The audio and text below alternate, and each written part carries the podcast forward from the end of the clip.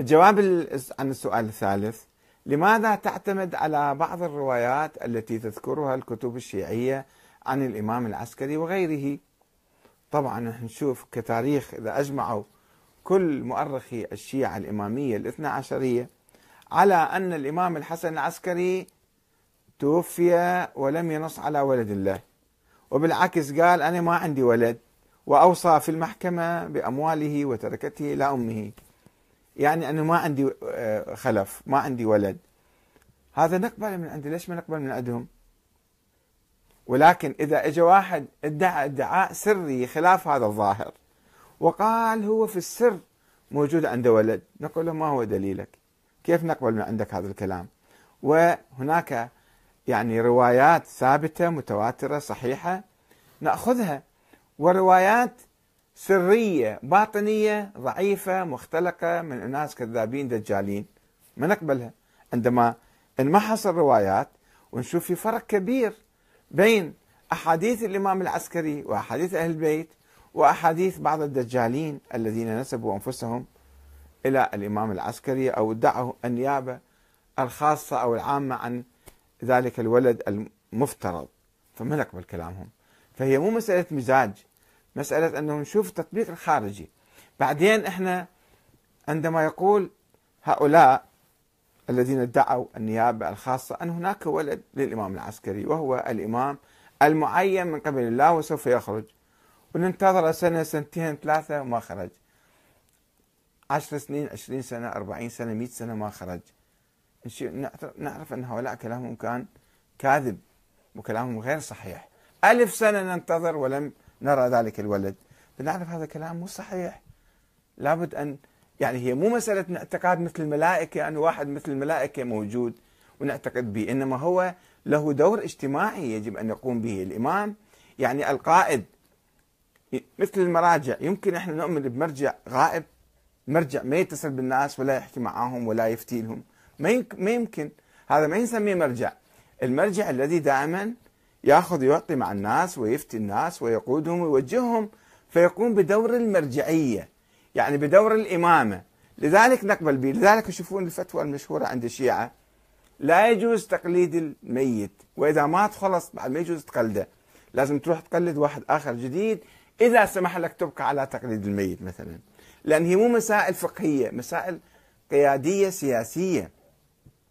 هذا الدور القيادي السياسي الذي يقوم به المرجع اللي هو دور الإمام ما يمكن أن يكون واحد غائب أو واحد ميت يقوم بهذا الدور.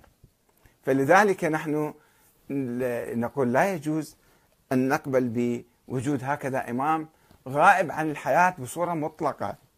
ولذلك بعض الشيعة مثلا في أيام ما يسمى بالغيبة الصغرى قالوا ممكن ممكن الإمام العسكري عنده ولد مخبيه وبالسر وخايف عليه مثلا كما كانوا يقولون. قالوا طيب ممكن نحتمل هذا الاحتمال. وقالوا طيب متى يخرج؟ قالوا بعد أربع خمس سنوات بعد عشر سنوات بعد أربعين سنة بعد سبعين سنة. قالوا إذا هذا مو معقول. بعد سبعين سنة يعني مات يعني ما موجود هذا الإنسان. حتى لو كان مولود الآن هو ميت فما يمكن إحنا نؤمن فيه. فعامة الشيعة الإمامية الذين آمنوا بوجود هذا الإمام الثاني عشر اكتشفوا أن هذه كانت كذبة كبرى وانفضوا عن ذلك وتركوا وهذا مسجل بالتاريخ الشيعي. اقرأوا كتاب الغيبة للنعماني واقرأوا كتاب إكمال الدين وإتمام النعمة للشيخ الصدوق. في القرن الرابع دول الاثنين كانوا. يذكرون كيف أن عامة الشيعة بطلوا عن الإيمان بهاي الفكرة الغير المعقولة. وصاروا يضحكون عليهم. أنه شنو هالكلام هذا؟ مو معقول إحنا نؤمن بشخص أصلا ما مولود ما موجود. ضحكتوا علينا كذا عدد من السنين. الآن إحنا بعد ما يمكن نؤمن نؤمن ونستمر على هذا الإيمان بدون دليل. يمكن بعض البسطاء اقتنعوا وصدقوا كلام هؤلاء الدجالين الأربعة اللي يسموهم النواب الخاصين وآمنوا. بس بعد ذلك الناس بدأوا يفكرون. ولم يكتب الشيخ الصدوق كتابه إكمال الدين راجعوا في مقدمة الكتاب يذكر بالتفصيل.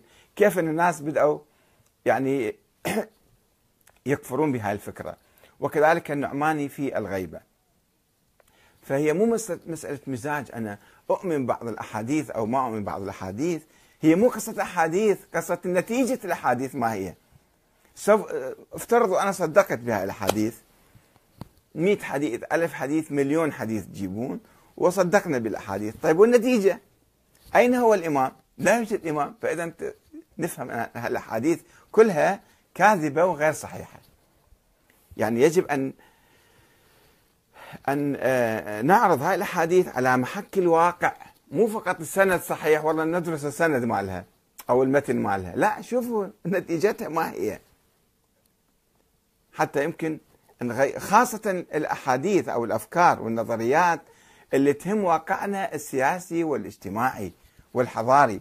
ما يمكن إحنا فقط نقول هاي الأحاديث صحيحة وناخذ بيها وأحاديث مثلا سندها صحيح ومتنها صحيح نؤمن بها ونمشي. ونظل نايمين ننتظر ألف سنة ألف ومئتين سنة مليون سنة وما يطلع هذا الإمام. لذلك لازم عندنا منهجية أخرى في دراسة الأحاديث. والسلام عليكم ورحمة الله وبركاته.